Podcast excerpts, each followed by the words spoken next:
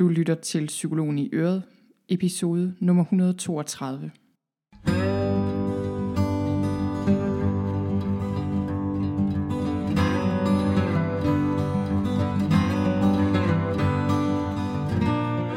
Velkommen til Psykologen i Øret. Jeg er psykologen Gitte Sølstein, og Øret, det er dit.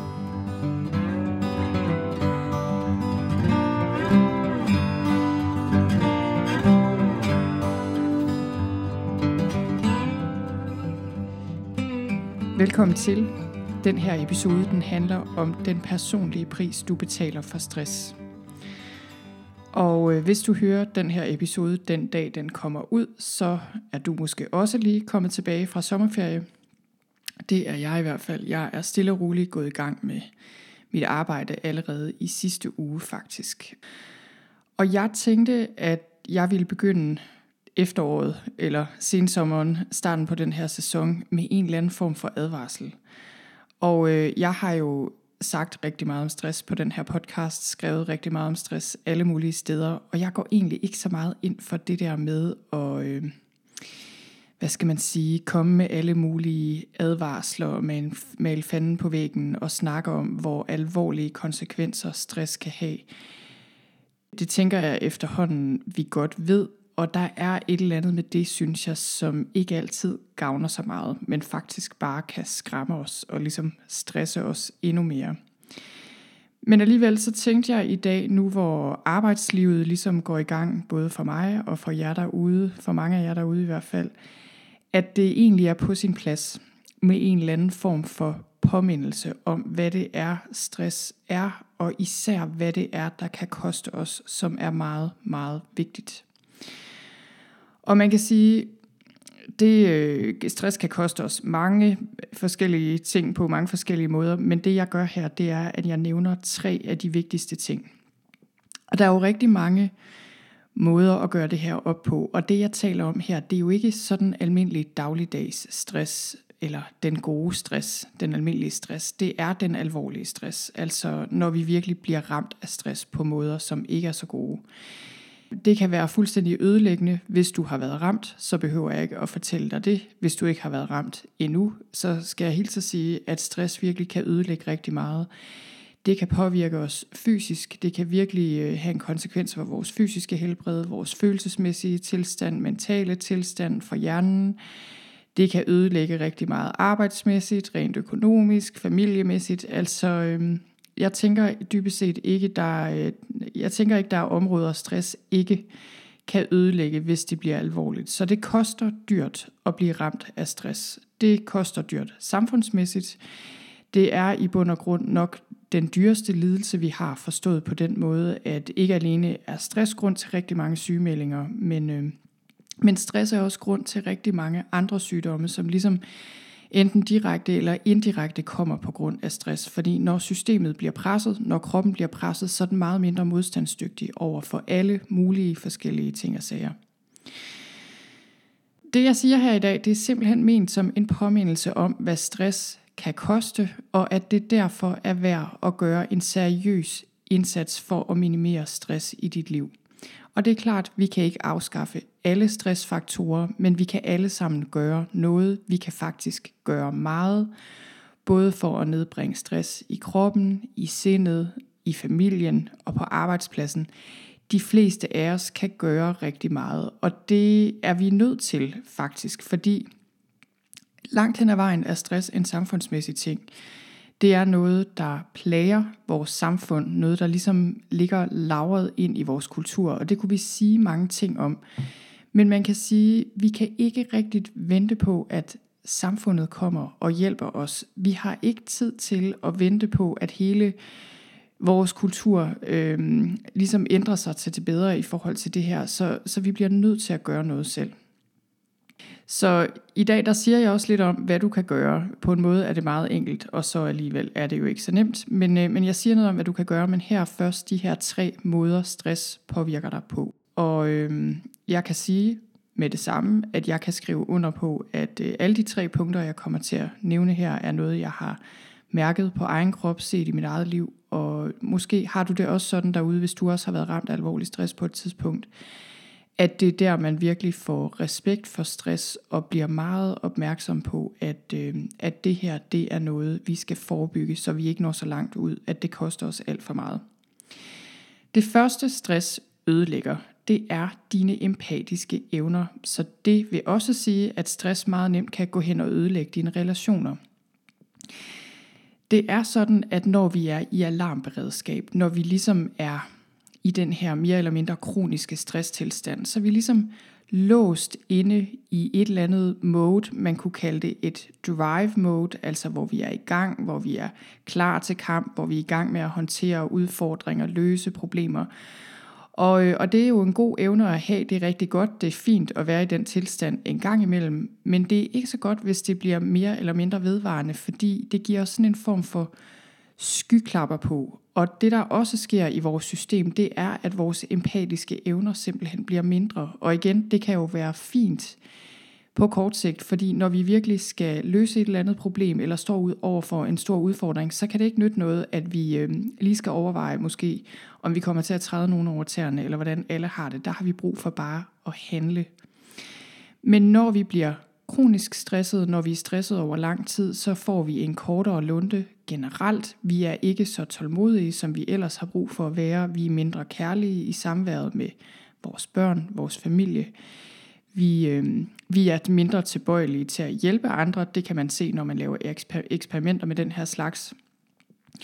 Så alt i alt, vi bliver mindre empatiske. Og det kan virkelig blive et problem i det lange løb, og i sidste ende kan det koste os rigtig meget. Jeg har haft klienter, mange klienter, øh, mange deltagere på mit stressforløb, som sidder med et langt stressforløb bag sig, og som desværre også har oplevet, at det har kostet både et ægteskab, eller i hvert fald slidt et ægteskab halvt ihjel, måske et forældreskab, der også ligger i ruiner, øh, forhold til kolleger, der har lidt rigtig meget under det her. Og det her er det vigtigste, vi har. Det er det vigtigste, vi har i livet. Det er nære, trygge, gode forhold til vigtige mennesker i vores liv. Vi kan simpelthen ikke leve uden hele dit nervesystem, hele dig. Du er simpelthen skabt til at være i gode nære relationer med andre, og, øh, og det er altså noget af det stress virkelig kan gå ind og ødelægge. Næste ting, som også er meget vigtigt, det er, at stress ødelægger dit fysiske helbred. Når vi bliver ramt af stress, så er de første symptomer meget ofte fysiske. Det er der mange, der oplever. Også selvom årsagen er tanker eller øh, et dårligt arbejdsmiljø eller et eller andet. Så det er altså tit kroppen, der reagerer på stress. Og det gør den, fordi når vi er stressede, så udløses der noget, der hedder stressresponsen i kroppen. Og som jeg lige har sagt, så er den her stressrespons, der gør os klar til kamp, klar til handling, den er fin i det korte løb, at den bliver udløst en gang imellem, og så falder til ro og ro igen. Men hvis den er aktiveret over tid, og vi ikke rigtig får mulighed for at, øh, at få ro ind imellem, så nedbryder det kroppens ressourcer og nedbryder kroppens forsvarsværker. Det slider på hjertekarsystemet, det betyder, at immunsystemet fungerer dårligere. Alle mulige kroniske sygdomme kan opstå, aflige sygdomme, øhm, hvad kan man sige, det kan ligesom tænde for gener, vi helst ikke vil have tændt for, hvis vi er stresset for lang tid. Så, og det her er der ikke noget mystisk i. Vi kalder den her model, eller den her forklaring, stress-sårbarhedsmodellen. Det vil altså sige, at stress kan udløse vores sårbarheder, også vores fysiske sårbarhed. Og det kan virkelig gå hårdt ud over kroppen at være stresset i lang tid. Så er der den sidste ting, jeg vil nævne her. Det er, at stress overdøver din indre stemme det her øh, begreb, den indre stemme, det er det, jeg kalder det. Man kunne kalde det meget. Man kunne kalde det øh, din intuition, øh, bare dig selv, måske din sjæl. Det er lige meget, hvad vi kalder det egentlig. Jeg tror egentlig godt, at du, der lytter med derude, ved, hvad jeg mener.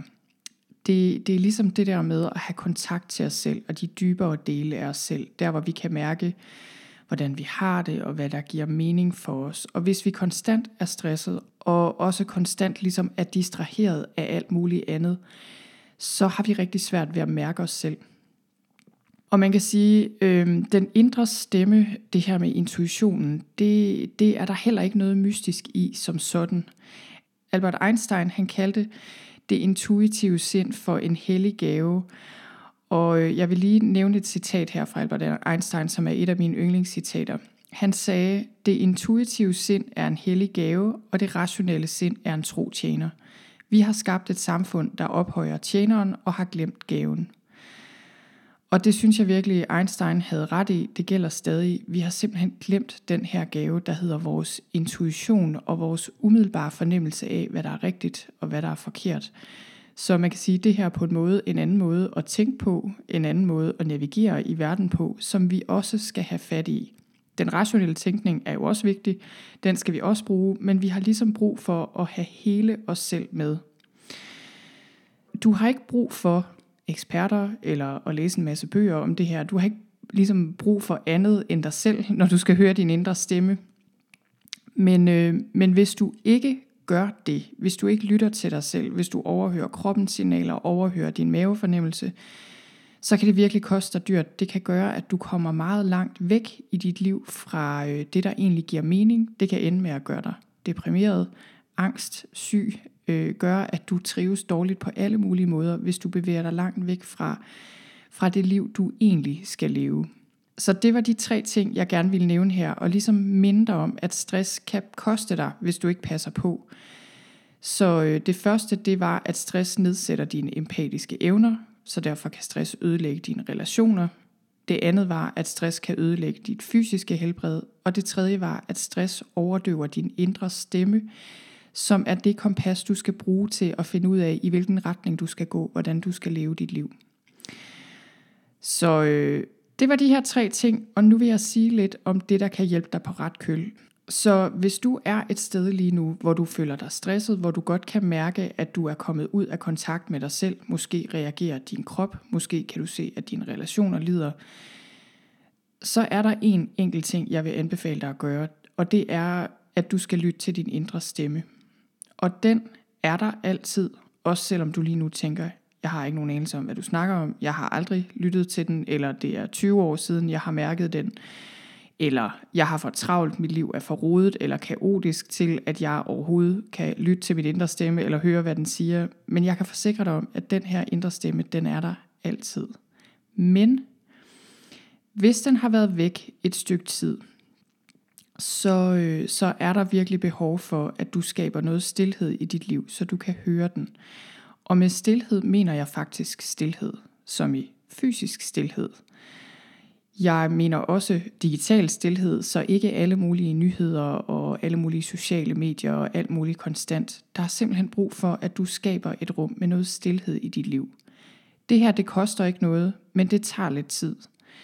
Det du kan gøre, hvis du har børn derhjemme, og hvis du ikke sådan lige kan skabe stillhed derhjemme, det er, at du kan tage i skoven eller tage til havet. Men hvis du kan, jeg kan i hvert fald sige, det er det, der fungerer bedst for mig, så er det at være hjemme og have noget stillhed. Og jeg har faktisk lige haft et døgn med rimelig meget stillhed. Det sker ikke så tit, at hele min familie er ude af huset, men det har de været. Min datter er blevet passet af min mor i Thy øh, fra i går til i dag, og min mand og søn er afsted på en overnatning. Så jeg har haft den her stillhed, og i går aftes, der nød jeg den virkelig. Og man kan sige, at den her stillhed, den, øh, den er jo på en måde meget enkel, og hvor svært kan det egentlig være? Jeg tænker for de fleste af os, langt de fleste af os, hvis vi virkelig vil, så kan vi godt skabe en time eller to, hvor vi bare har stillhed. Problemet er bare, at, øh, at vi nogle gange kan have en form for modstand mod den her stillhed. Så inden jeg siger, noget om, hvad du kan gøre, når du er i den her stillhed, hvad der kan hjælpe, eller i hvert fald, hvad jeg har god erfaring for at hjælpe os, vil jeg lige sige lidt mere om den her modstand, vi kan have mod stillheden. Fordi jeg tror egentlig, at den også er en af grundene til, at vi, øh, vi undgår stillheden, og vi, og vi derfor mister kontakt med den her indre stemme. Faktisk så tænker jeg, at, øh, at mange af os går ret langt for at undgå den her stillhed, fordi når stillheden lander, så betyder det også, at vi kan mærke os selv, og måske kan mærke, hvor stressede vi i virkeligheden er, hvor meget tankerne bare drøner rundt i hovedet på os, og det er ikke altid rart. Det er ligesom et lag, det her lag af uro og tankemøller og total stress i kroppen. Det er tit et lag, vi skal igennem, før vi kommer til den egentlige stillhed, og det kan altså godt tage lidt tid. Hvis vi har været meget stresset længe, hvis vi ikke er vant til at have kontakt med den her stillhed til daglig, så kan det altså godt tage længere tid end bare lige 5 minutter, eller 10 minutter, eller 20 minutter. Jeg har oplevet på tidspunkter i mit liv, hvor jeg har været meget stresset, og, og det kan jeg også se på de mennesker, jeg møder, at det her, det kan godt tage noget tid nogle gange. For nogen er det en time eller to timer, for nogen er det en dag eller to, før man ligesom får hul igennem til den her stillhed. Så grunden til, at vi ikke tror, at vi kan finde den, den her stillhed, eller at vi ikke kan få kontakt til vores indre stemme, det er fordi, der tit er den her, det her øh, lag af mental støj og fysisk uro. Så, øh, så det vi rigtig tit gør for at undgå stillheden og undgå at mærke os selv, det er, at vi distraherer os selv på alle mulige måder. Vi arbejder, vi er sammen med alle mulige mennesker, vi øh, ser fjernsyn, vi ser serier, vi tjekker sociale medier, vi tjekker mail, tjekker nyheder, og der er ikke noget som sådan galt med at gøre de her ting overhovedet. Det der er problemet, det er, når vi gør det for meget, og når det kommer over på en måde, så vi slet ikke, øh, så vi ligesom mister kontakten til os selv. Og inden jeg går videre til at sige, hvad jeg vil anbefale dig at gøre, når du skal finde stillhed, så vil jeg lige nævne endnu et citat, eller læse noget op af Carl Gustav Jung, som er en østrisk psykiater, som, øh, som sendte et brev til en ven på et tidspunkt, i 1957 faktisk. Og det, den her, øh, det her brev, eller den her del af det her brev, det vil jeg gerne læse op for dig, fordi det er noget, jeg har kunne bruge, og noget, øh, da jeg læste det her i sin tid, der virkelig slog mig, hvor jeg tænkte, at det her, det, øh, det er virkelig rigtigt. Så lyt med her. Carl Jung han skriver, Støj er ikke bare forstyrrende eller skadeligt. Vi vil nødig indrømme det, og vi forstår det måske ikke, men vi bruger støjen som et middel til et mål. Vi prøver at dæmpe den frygt, vi har, som er velbegrundet. Hvis der var stillhed, ville folks frygt få dem til at reflektere, og det er ikke til at vide, hvad man så vil blive bevidst om. Behovet for støj er nærmest umætteligt, selvom støjen nogle gange næsten bliver ubærlig. Men stadig, støj er bedre end ingenting. Jeg vil godt lige have lov til at minde om, at det her det er skrevet i 1957, og jeg tænker, at det her problem med støj er kun blevet en million gange værre siden. Så øhm, det, der, det, der er i det her, det er, at når vi er stille, så dukker der ting op, som vi har brug for at forholde os til, men som i første omgang måske ikke er særlig rare. Uro i kroppen. Øh, måske et eller andet, vi dybest set godt kan mærke, ikke rigtig fungerer i vores liv. Problemer, vi har brug for at tage stilling til. Men min erfaring er virkelig, at når vi bruger lidt tid i stillhed på den ene eller den anden måde, så kan det ligesom give os de svar, vi har brug for i forhold til, hvad vi skal gøre for at få bugt med stress, hvis det er det, der er problemet, for at løse andre problemer i vores liv, for ligesom at komme i den rigtige retning. Og her til sidst, så øh, vil jeg lige sige lidt om, hvad jeg har god erfaring for virker for mig, når jeg skal have stillhed. Og man kan sige, at på en måde er det jo meget enkelt. Der skal bare være stille, og der skal ikke foregå så meget. Så et eller andet sted handler det jo bare om at fjerne støj på alle mulige måder. For mig hjælper det også meget, hvis der ikke er for rodet, og så igen det her med at slukke skærme, slukke nyheder, slukke lydbøger, slukke serier, alt muligt.